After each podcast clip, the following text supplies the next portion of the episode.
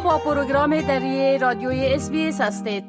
شنونده های عزیز در حالی که اکثریت مردم افغانستان در فقر و ناداری به سر می‌برند و به خصوص سرمایه کم نظیر سال جوری بر مشکلات اونا افزوده و به خصوص مردم آسیب پذیر با خطر از دست رفتن جانهایشان مواجه ساخته سازمان های امدادی و خیریه تلاش هایشان را برای کمک با ای مردم نیازمند دوچندان ساختند.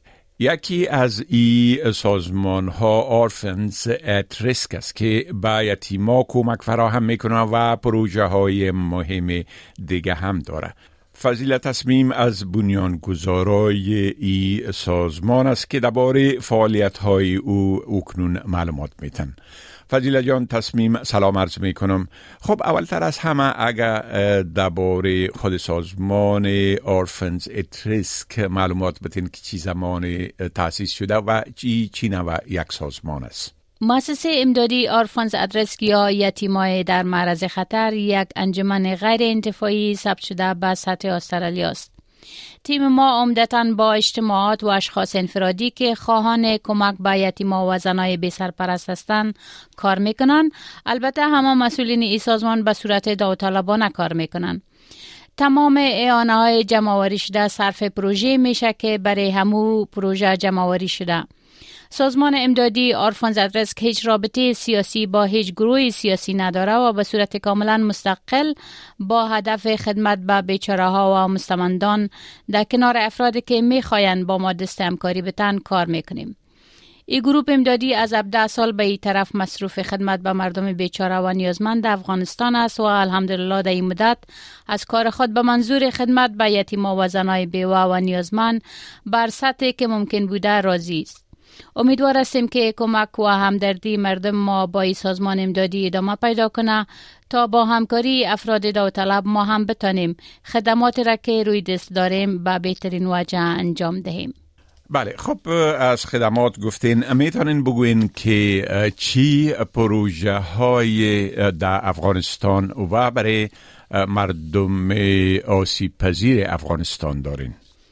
بله پروژه های ما شامل مبارزه علیه استفاده از مواد مخدر است که ای شامل تداوی معتادین و حمایت از خانواده هایشان و فراهمی برنامه هایی که دو به افراد معتاد به خصوص جوانا کمک میشه تا به اعتیادشان خاتمه بتن. حمایت از اطفال و خانواده های معیوب در صورت امکان فراهمی تداوی و خودکفا ساختن این معلولین پروژه خودکفا ساختن زنای بیوه و نیازمند از طریق برنامه های آموزشی حفر چاهای آب در مناطق که به آب پاک و نوشیدنی دسترسی ندارند. حمایت فامیل های نیازمند در هنگام سرمایه زمستان و فراهمی بستای مواد غذایی و مواد سوخت زمستان.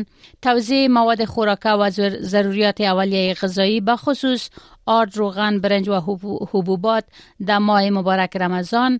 حمایت از اطفال که در روی جاده ها مجبور به کار شدن و دستگیریشان تا به مکتب برن و مجبور به کار در روی سرک نشن و فراهمی همه ضروریات مکتب و حمایت از خانواده هایشان دوستان می‌تونن به هر یک از این پروژه های ما از طریق پروگرام سپانسرشیپ سهم بگیرن و ما را در فراهمی امکانات به مردم نیازمند افغانستان همکاری کنند.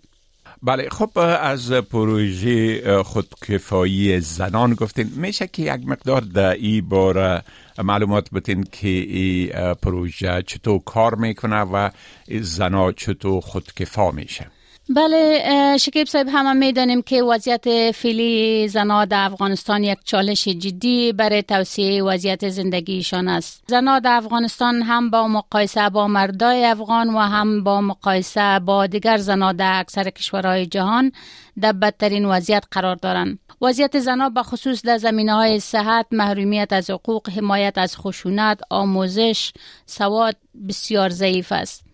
فعالیت های سازمان امدادی آرفانز ادرسک برای خودکفا ساختن ای زنها شامل کورس های سواد آموزی، معلومات و آگاهی از صحت، کورس های خیاطی، و دستدوزی آشپزی و امثالش است. البته در اخیر کورس بر زنایی که خیاطی میآموزند دو پای ماشین هم داده میشه و به دیگه زنها در بخش های دستدوزی و آشپزی که یکی از این کورس های آشپزی کیک پختن است. وسایل ضروری هم به صورت رایگان داده میشه. برای عده از خانواده هایی که امکانات برای نگهداری دارند چندان مرغ داده شده که یا این پروگرام همچنان هنوز هم جریان داره. که می‌تونن از فروش تخم مرغ هم بر خود آیده به دست بیارن. بله خب از پروژه سپانسرشپ اطفال گفتین اگر در باره یک مقدار معلومات بتین تشکر شکیب صاحب. پروژه دیگه ما فراهمی امکانات تعلیم و تربیه با اطفال خردسال است که به علت کمک به فامیل خود مجبور میشن کار کنن و مجبور به ترک مکتب میشن.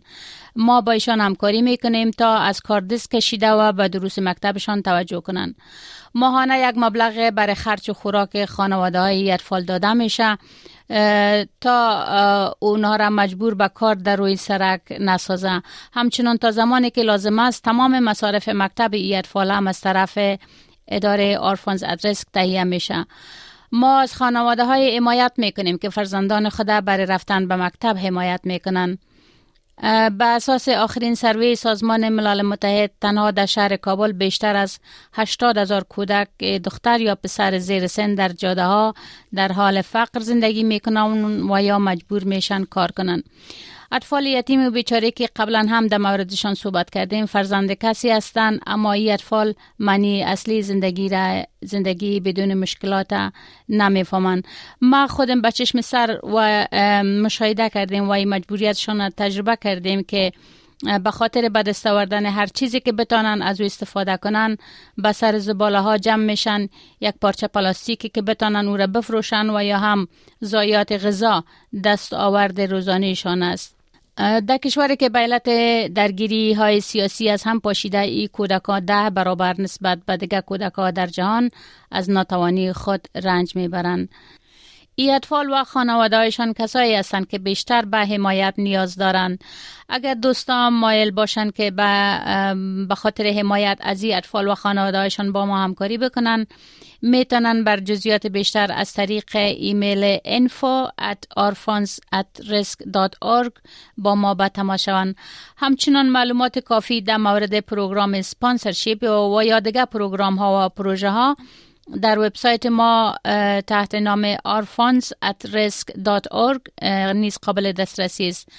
آدرس ما در فیسبوک آرفانز ات ریسک که صفحه از تمام فعالیت های ما در گذشته و در حال حاضر است. بله خب بسیار تشکر فضیله جان. تصمیم از که دعوت ما را برای صحبت پذیرفتین. از شما تشکر می کنم و فعلا شما را به خدا می سپارم و روز خوش برتان می خواهیم از شما هم تشکر شکیب صاحب روزتان بخیر. بپسندید شریک سازید و نظر دهید. اسپیس دری را در فیسبوک تعقیب کنید.